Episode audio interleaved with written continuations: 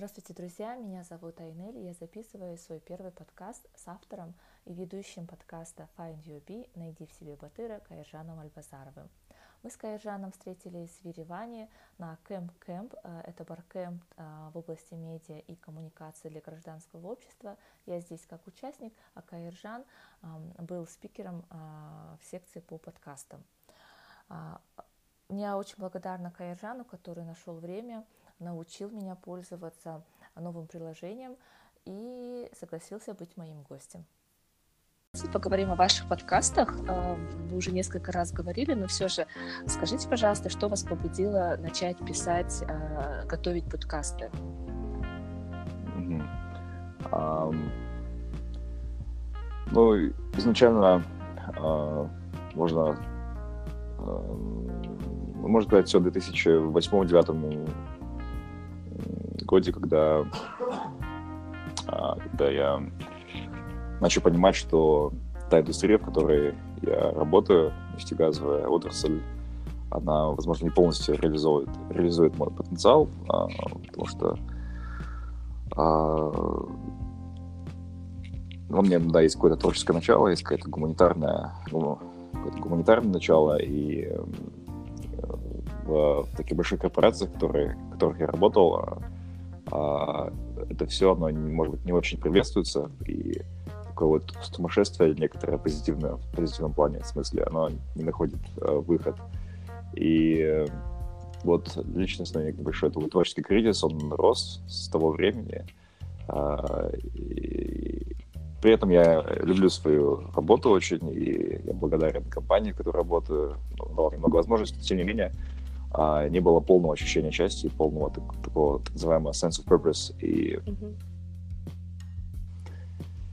и вот с переездом в Данию в 2016 году я это все климатические эти различия, ментально, они культурно они усилили все это состояние. И я случайно увидел а, подкаст на своем телефоне, приложение, узнал, что это такое, стал слушать, и буквально через месяц понял, что а, я хочу этим заниматься, потому что а, с моим таким интровертным, да, интровертность, как называется, с, uh-huh. с моей э, склонностью быть в одиночестве и самим собой, это много пагубно, и нужно э, мне нужно что-то такое, где бы я мог выговориться, поддерживать э, связь с Родиной. И я подумал, что подкастинг — это самое то. Uh-huh. Вот. Ну, так вкратце, конечно, там еще много разных мотивов, э, субмотивов, но примерно можно так характеризовать э, причину. А, а мы сейчас просто с Кайджаном находимся в Ереване, где он выступал и рассказывал про подкастинг в Казахстане. И вот вы вчера рассказывали, что записали 34 выпуска. Правильно, да, я говорю? Mm-hmm. Да, да. А вот э, с кем-нибудь из этих людей, с которыми вы разговаривали, вы сами лично знакомы? Да. Э- вот первые, не помню сколько, 7, 8, 9 э, человек — это мои либо очень близкие друзья, либо знакомые, с кем я учился вместе когда-то. А, то есть первые там 3-4 — это вообще лучшие друзья, поэтому изначально была концепция такая, что а, я буду с лучшими друзьями, не знаю, там, а, так сказать, пить пиво, вино, а, говорить о жизни, вспоминать что-то, шутить, и будем записывать для прикола. Вот. А, мне так казалось, что это будет так. А, и, может, кому-то будет интересно подслушать, но сейчас это стало более массово социально. Да, то есть очень много в первых выпусках это были все мои знакомые. Сейчас последние, там, не знаю, 10-15 выпусков, там, нет, в принципе, я никого даже, наверное, в жизни не видел. Uh-huh. А, то есть это все люди, которые, которых я нашел уже в интернете Кайжан, а вы можете дать советы тем, кто давно хочет а, создать свой подкаст, но а, никак не может решиться? С чего надо начать? Угу. Ну, начать нужно подкаст а, с идеи, понять, а, зачем это нужно вам, а, понять свою нишу, о чем будете говорить. А, должен быть strong message, да, это должно а, являться отражением ваших ценностей и а, должен быть очень сильный интерес и желание не заниматься, потому что подкаст требует.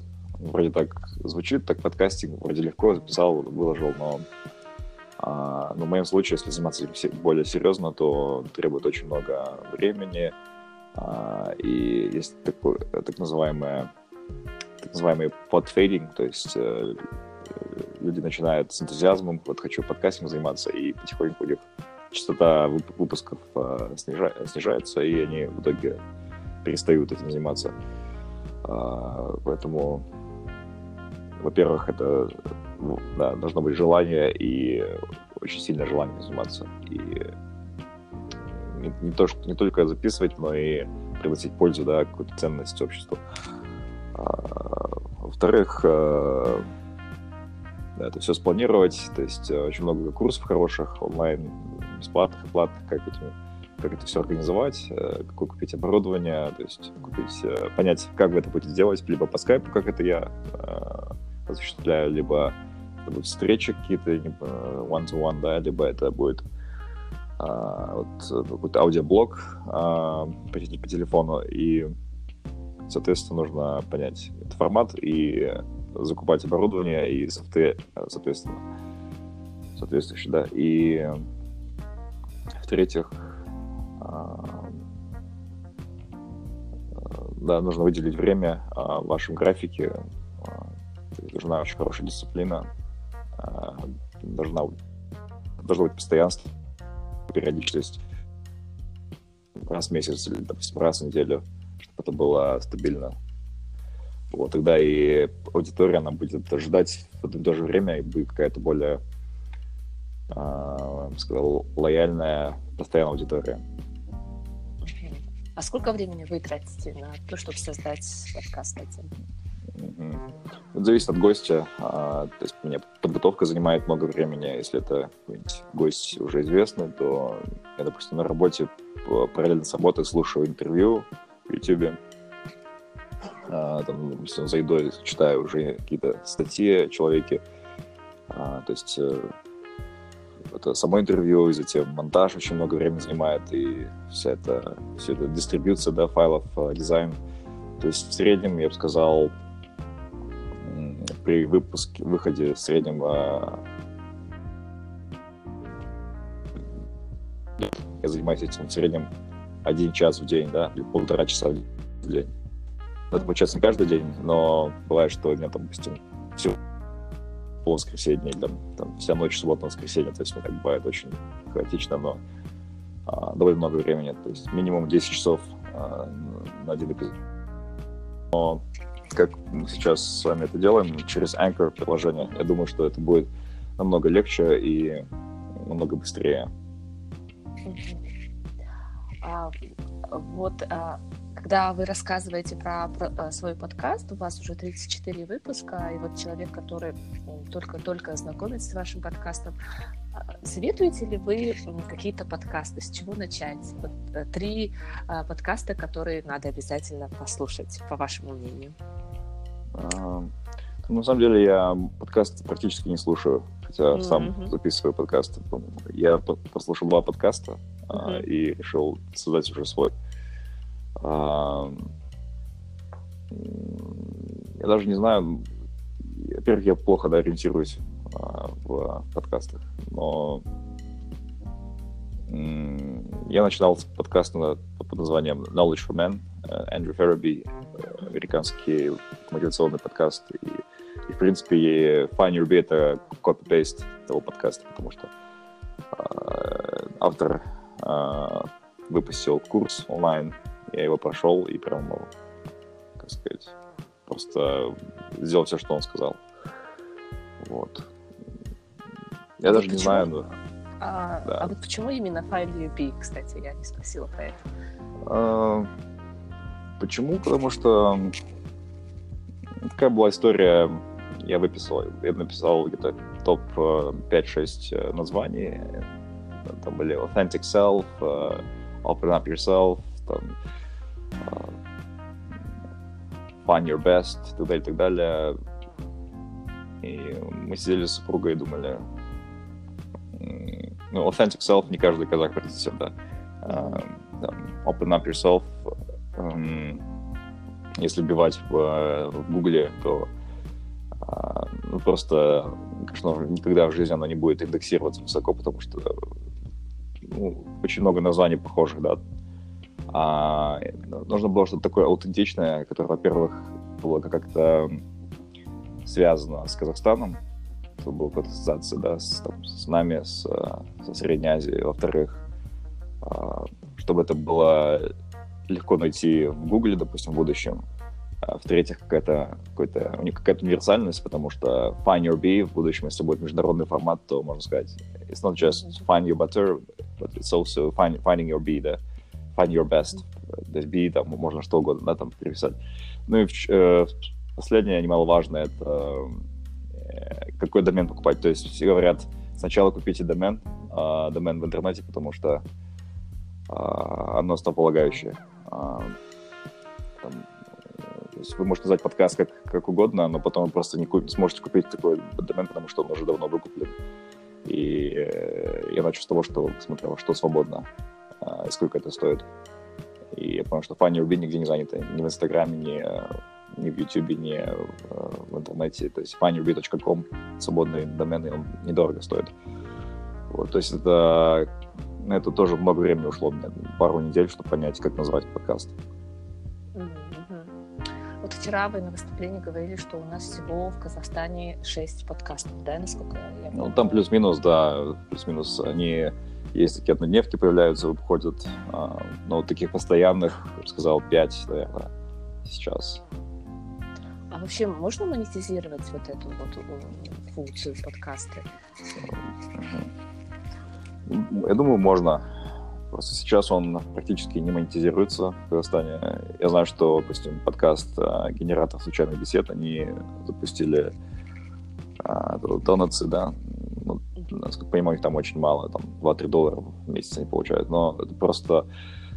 На самом деле, пока что подкасты в Казахстане — это э, чистый альтруизм, а, и это хобби, и э, подкасты в Казахстане очень уязвимы, потому что а, большинство людей, кто этим занимается, они либо молодые, не женатые, не замужние, то есть Uh, я бы сказал, до прихода uh, следующего важного майлстоуна в жизни подкаст еще есть, да, у человека.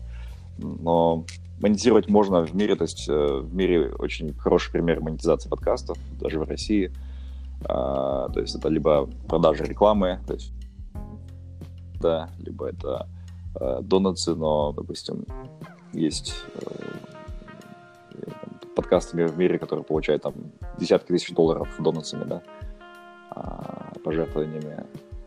Также, если это какие-то интервью, э, какой-нибудь э, брендинг какого-то какой-то фирмы, то можно пригласить человека на свое интервью и попросить, то есть и сказать, что это стоит как бы, в виде рекламы, плюс мы адаптируем под нашу специфику. Подкаста, зададим соответствующий вопрос, то есть такой win-win.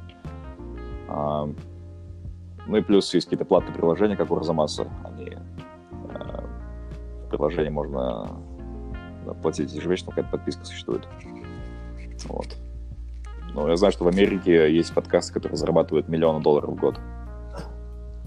Круто. А, вот смотрите, у нас сейчас а, в стране ну, а, такое настроение у молодежи, многие хотят уехать. Mm-hmm. Кто-то может просто уехать, пожить и вернуться, кто-то хочет вообще уехать. Вот вы человек, который уже последние 9 лет э, все время в разъездах, да? Я понимаю, что вы приезжаете в Казахстан, но в то же время э, трудно это э, жить за рубежом. Тем более, когда у тебя уже есть семья. Ну, мне кажется, да, каждый кейс э, уникален. Кому-то очень легко очень счастлив и не хочет вообще возвращаться. В моем случае не было несколько попыток, да, несколько этапов. Я сначала ехал во Францию учиться, и а,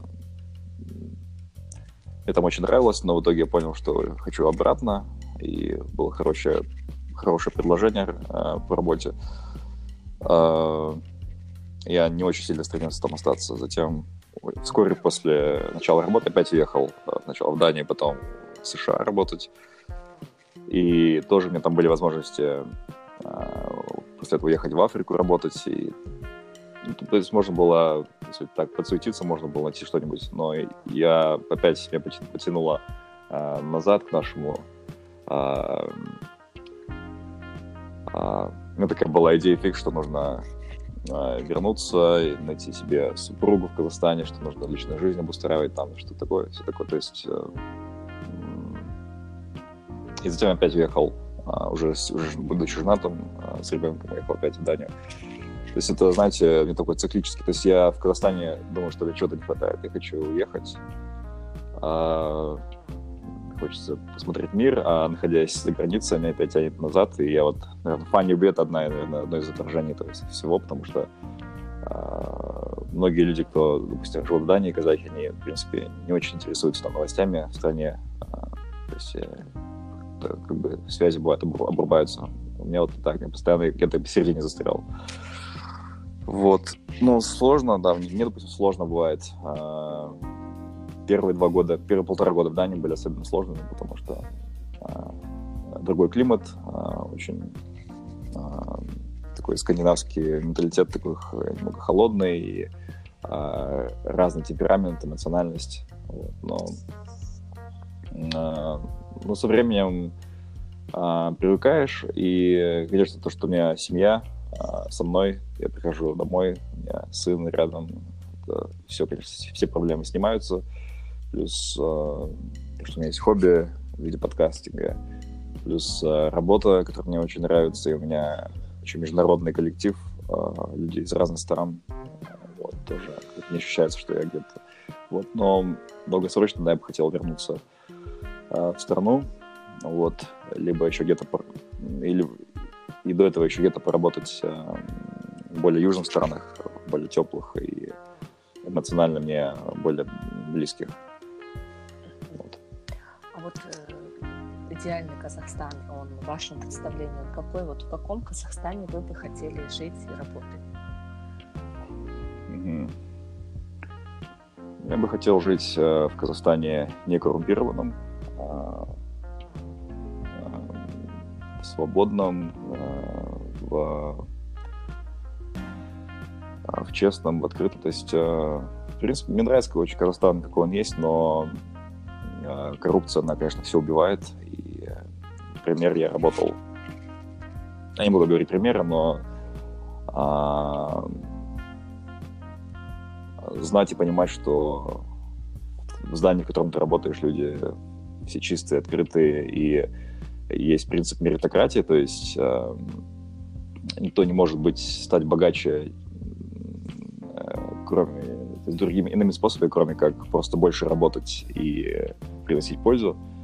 Вот очень важно, да, чтобы не было взятой коррупции, чтобы люди шли по одному какому-то пути, да, то есть э, мне кажется, это давит, когда ты едешь по городу, да, и ты понимаешь, что какой-нибудь человек менее образованный, менее с сомнительными ценностями может тебя там раздавить э, и потом, допустим, это все развести. А, понимаешь, что человек пошел по такой, нашел шоткат, да, то есть э, развел, купил, продал, обманул, своровал, взял, дал на лапу, то есть э, хотел, хотел, чтобы этого не было, и чтобы все люди пришли к успеху только через труд, через креативность, через какой-то вот э, какие-то легальные э, интересные способы, но не так, как сейчас это происходит. Потому что это давит, потому что это подрывает э, мораль, и ты думаешь, ну нафиг я тут пошу там, да, с 9 до 6, там, читаю книги дома там, технические, чтобы что-то сделать, а там человек... Не то, чтобы там я завидую, но мне кажется, это неприятно, подрывает какие-то ценности. Вот. Ну и, конечно же, второе, это,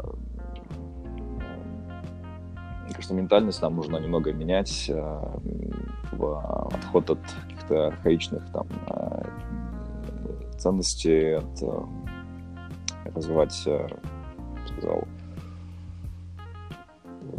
то, что, то, то, что вот в, в словах на издания Абая написано, все эти вот пророки, нам нужно от них избавляться и да, становиться более осознанными, более трудолюбивыми, менее завистливыми. Вот, вот. Спасибо, Кайжан. Так как это мой первый подкаст, у меня вопросы были немножечко хаотичными. А, вот. И напоследок я хотя, просто хотела спросить, эм, будущее FileDB, у вас есть э, какие-то планы, или вы будете продолжать в этом же направлении? Ну, конечно, идей много, мне много, много людей, у кого хочу взять интервью. Вот, и хотелось бы, конечно, чтобы подкаст расширялся, имел больше влияния. Возможно, во что-то сможет перерасти более серьезное в медийном плане, но также понимаю уязвимость свою, потому что сейчас у меня один ребенок, если у нас будет второй ребенок, допустим, третий, то это будет э, еще сложнее. Сейчас я живу в Дании, где work-life balance очень хорошо поддерживается на законодательном уровне, и достаточно свободного времени, чтобы заниматься подкастами. Если я перееду в страну, допустим, где там этого меньше, допустим, где-нибудь даже та же Франция, либо это США, либо Африка, то с этим будет намного сложнее. Поэтому я не буду загадывать, я живу пока моментом, да, наслаждаюсь моментом. И, вот. Но хочется, чтобы э, подкаст продолжал приносить ценность, потому что те письма, которые получаю, их уже сотни писем, а просто бывают даже такие душераздирающие, да, письма, как человек, что он преодолел, да, и как он нашел подкасты, как, как его жизнь изменилась. А, это, конечно, стоит того, да, что понимать, что ты не просто а, добавил, увеличил добычу на счет 100 баррелей и а, улучшил дивиденды там каких-то богатых акционеров а, в Хьюстоне, либо в Париже, либо в Копенгагене, а тут, тут ты улучшил жизнь определенного человека, у которого, который был близок там, к суициду, к какому-то там, не знаю, сильной депрессии. Человек вышел из этого состояния и нашел э, свою мечту, свою цель. Конечно, дорогого стоит, и ощущение счастья, оно есть от этого. Поэтому хочется продолжать именно идти в этом направлении, приносить пользу, ценность, э, решать человеческие проблемы. Мне желаю удачи, радуйте нас хорошими, интересными интервью, а, подкастами.